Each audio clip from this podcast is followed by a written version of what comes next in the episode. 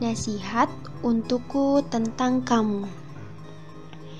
Sobat Hau-Hau, gimana? Udah dengerin part 1 dan part 2-nya belum?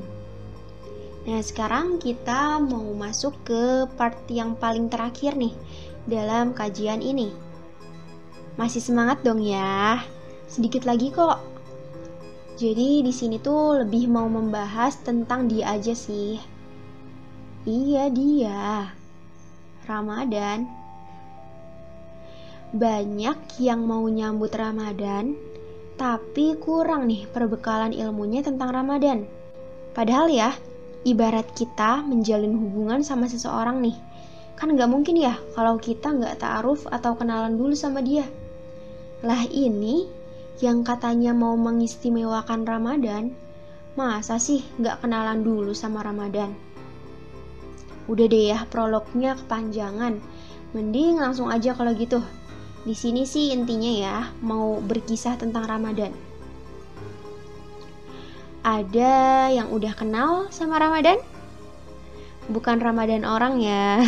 Ini tuh saum Ramadan. Macam apa aja ya? Jadi Ramadan itu adalah panas yang membakar. Apa sih yang dibakar? Baju, diri, atau apanya. Yang dibakar itu adalah dosa-dosa kita, hawa nafsu kita. Sebagai contoh deh ya, um, sebelum Ramadan nih, teman-teman pernah nggak ngerasa bahwa mau melakukan saum Senin Kamis itu rasanya susah banget. Tapi ketika di bulan Ramadan tuh kan saum itu bukan cuma sehari dua hari ya, tapi bisa sampai 30 hari. Tapi kok rasanya mudah-mudah aja gitu. Sedangkan yang sehari cuma dua hari tadi susah banget, sampai sulit kalau mau ngelaksanain gitu. Nah, karena memang Ramadan itu punya keistimewaannya di mana di sini tuh tempat untuk membakar hawa nafsu itu jadi nggak ada yang namanya males-malesan puasa itu. Ditambah lagi di sini ada lagi nih yang dibakar. Tapi ini positif sih. Yaitu adalah semangatnya yang dibakar. Semangat buat apa? Semangat untuk taat sama Allah, semangat untuk beramal soleh, selamat eh selamat, semangat untuk menjadi baik dan muhasabah diri. Nah, di sini ada landasan ayatnya ya. Landasan ayatnya itu surat Al-Baqarah ayat 183. Wahai orang-orang yang beriman, diwajibkan atas kamu berpuasa sebagaimana diwajibkan atas orang sebelum kamu agar kamu bertakwa. Nah, yang menjadi penekanan dalam ayat ini yang diseru itu adalah ya ayyuhalladzi na'amanu. Bukan ya ayyuhan nas kalau ya ayyuhan nas berarti untuk semua manusia. Tapi kalau di sini kan ya ayyuhallazina amanu maka yang diseru hanyalah orang-orang yang beriman.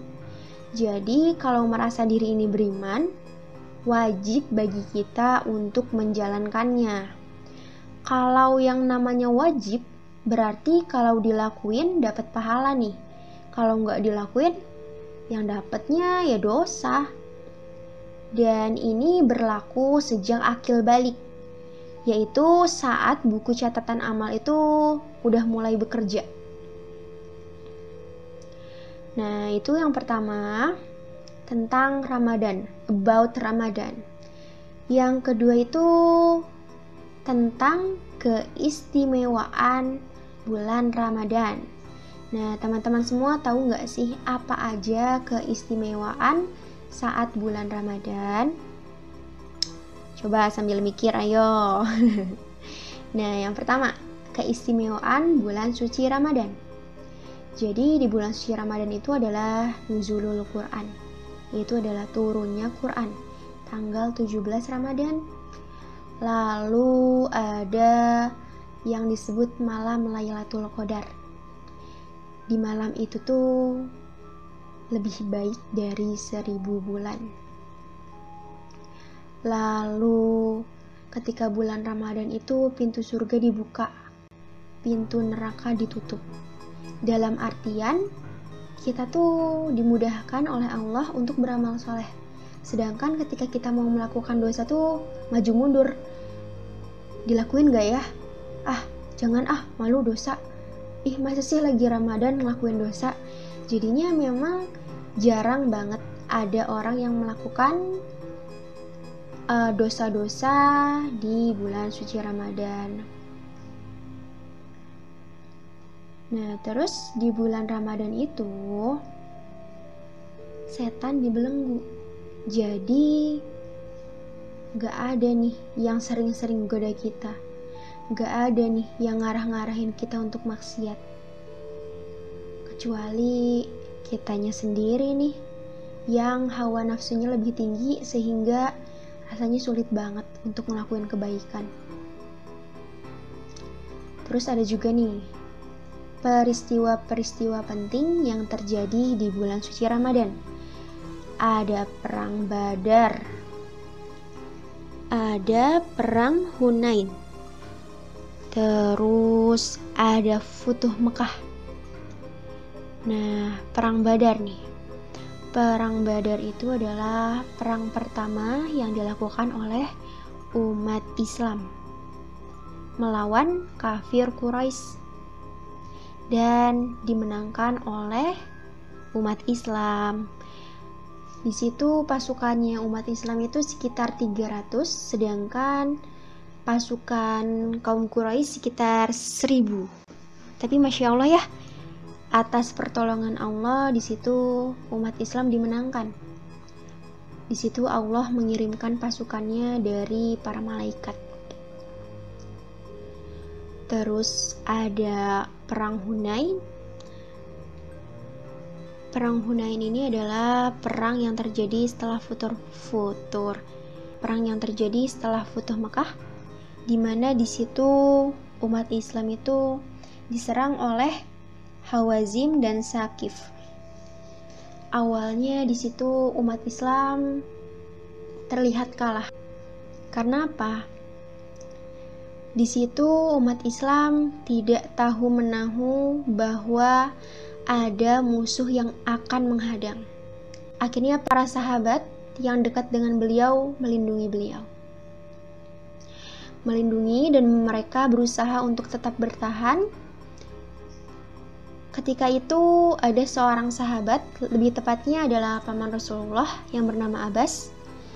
Di situ dia memanggil kaum muslimin, memanggil umat Islam. Mereka berkumpul lagi di satu titik, mengendalikan musuh, dan umat Islam pun diberikan kemenangan oleh Allah. Dan yang ketiga adalah Futuh Mekah. Cerita soal Futuh Mekah mah teman-teman udah pada tahu lah ya. Next. Di sini kita pun ya bisa masuk surga melalui pintu royan. Tahu nggak pintu royan itu apa? Pintu royan itu adalah pintu khusus ahli saum. Jadi, ketika kita mampu menyelesaikan saum Ramadan dengan baik, kita tuh bisa masuk surga melalui pintu ini. Masya Allah. Dan di bulan Ramadan itu pun adalah bulan pelatihan untuk menjadi takwa. Ibaratkan nih ya, kita itu mau ujian. Sebelum ujian tuh kita dilatih dulu nggak sih? Kita berlatih mau UN nih contoh. Pasti kan kita ngerjain soal, biar apa? Ketika UN, nanti tuh kita mudah untuk mengerjakannya karena apa? Udah banyak latihan soal Nah, begitupun dengan bulan Ramadan. Di bulan suci Ramadan itu kita dilatih. Dilatih untuk tetap bertakwa kepada Allah untuk meningkatkan takwa kita kepada Allah biar apa? Bulan ke depan itu kita bisa mempertahankan mempertahankan apa yang sudah kita latih di bulan suci Ramadan yaitu adalah ketakwaan. Dan di bulan ini pun pahalanya Masya Allah ya berkali-kali lipat sampai 70 kali lipat dari biasanya. Makanya kita nggak bisa nih leha-leha kalau ingin tergolong menjadi orang yang bertakwa. Kita harus bikin program untuk Ramadan kita. Jangan sampai kita jadi orang yang menyia-nyiakan Ramadan. Oke? Okay? Next, yang ketiga, syarat saum. Nah, syarat saum itu ada tiga. Yang pertama, balik. Yang kedua, berakal dan yang ketiga mukim. Nah, balik itu berarti dia tuh sudah bisa membedakan mana yang benar dan yang salah dan ketika itu dia sudah memiliki buku amalnya sendiri. Jadi ketika sudah ada di masa itu wajib bagi kita untuk melaksanakan saum Ramadan. Lalu berakal. Berakal tuh berarti tidak gila ya. Orang gila itu tidak bisa membedakan mana yang benar dan yang salah. Nah, kita mah tidak seperti itu kan ya? Makanya berarti kita termasuk ke dalam golongan orang yang berakal, yang diwajibkan atasnya untuk berpuasa.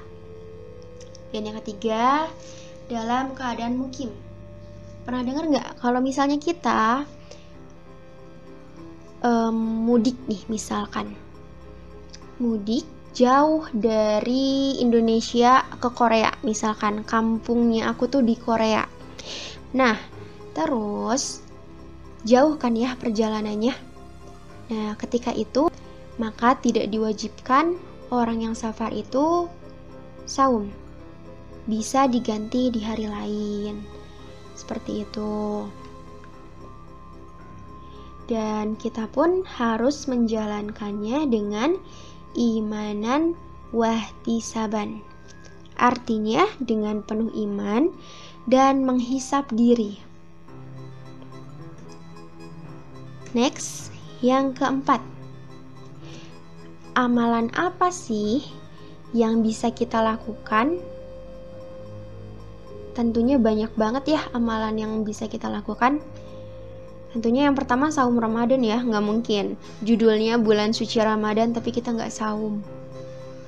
Lain itu kita bisa tarawih, qiyamul baca Quran, hafalan Quran, sholat sunnah rawatib ya 12 rakaat, sholawat, infak, sodakoh, kita juga bisa silaturahmi situasi pandemi itu bukan berarti kita tuh memutuskan silaturahmi.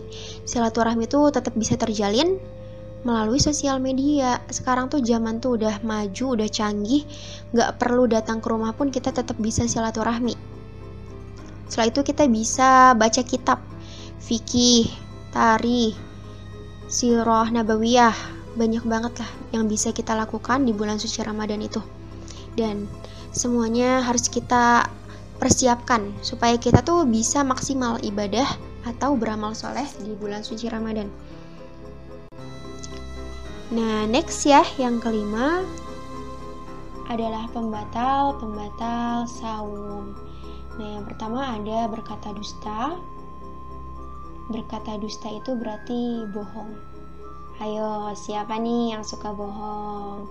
Nah, yang punya kebiasaan nih suka berbohong coba deh untuk dilatih lagi biar kita tuh terhindar tuh dari sifat-sifat yang membuat kita suka dusta ya ada dusta ya di antara kita Next ada gibah. Siapa hayo yang suka gibah? Nauzubillah ya. Semoga kita dijauhkan dari gibah karena ketika kita melakukan itu berarti sama saja kita memakan daging saudara kita sendiri. Dan memang ketika gibah tuh pasti kan sifat-sifat lain yang buruk-buruk tuh terselip. Gak mungkin kita ngegibahin orang tapi kita tuh dalam keadaan hatinya bersih tuh gak mungkin. Ketika kita ngegibahin orang tuh pasti hati kita tuh lagi kotor. Betul nggak? Betul apa benul? Yang ketiga ada sumpah palsu. Contoh.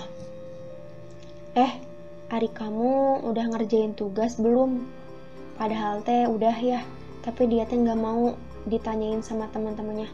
Sumpahnya aku mah belum ngerjain tugas. Aku mah males tahu ngerjain tugas sumpah aslinya gitu. Nah walaupun kayak terlihatnya simpel gitu. Tapi kan itu adalah hal yang memang tidak disukai oleh Allah ya. Kita tuh harus menjaga lisan kita. Jangan sampai kita main sumpah-sumpah padahal ternyata kita tuh sama sekali yang kita sumpahin itu adalah hal yang palsu terus yang keempat yang membatalkan saum nih. Ini biasanya anak muda itu adalah penyakitnya nih. Penyakit anak muda banget ya Allah. Melihat lawan jenis dengan syahwat.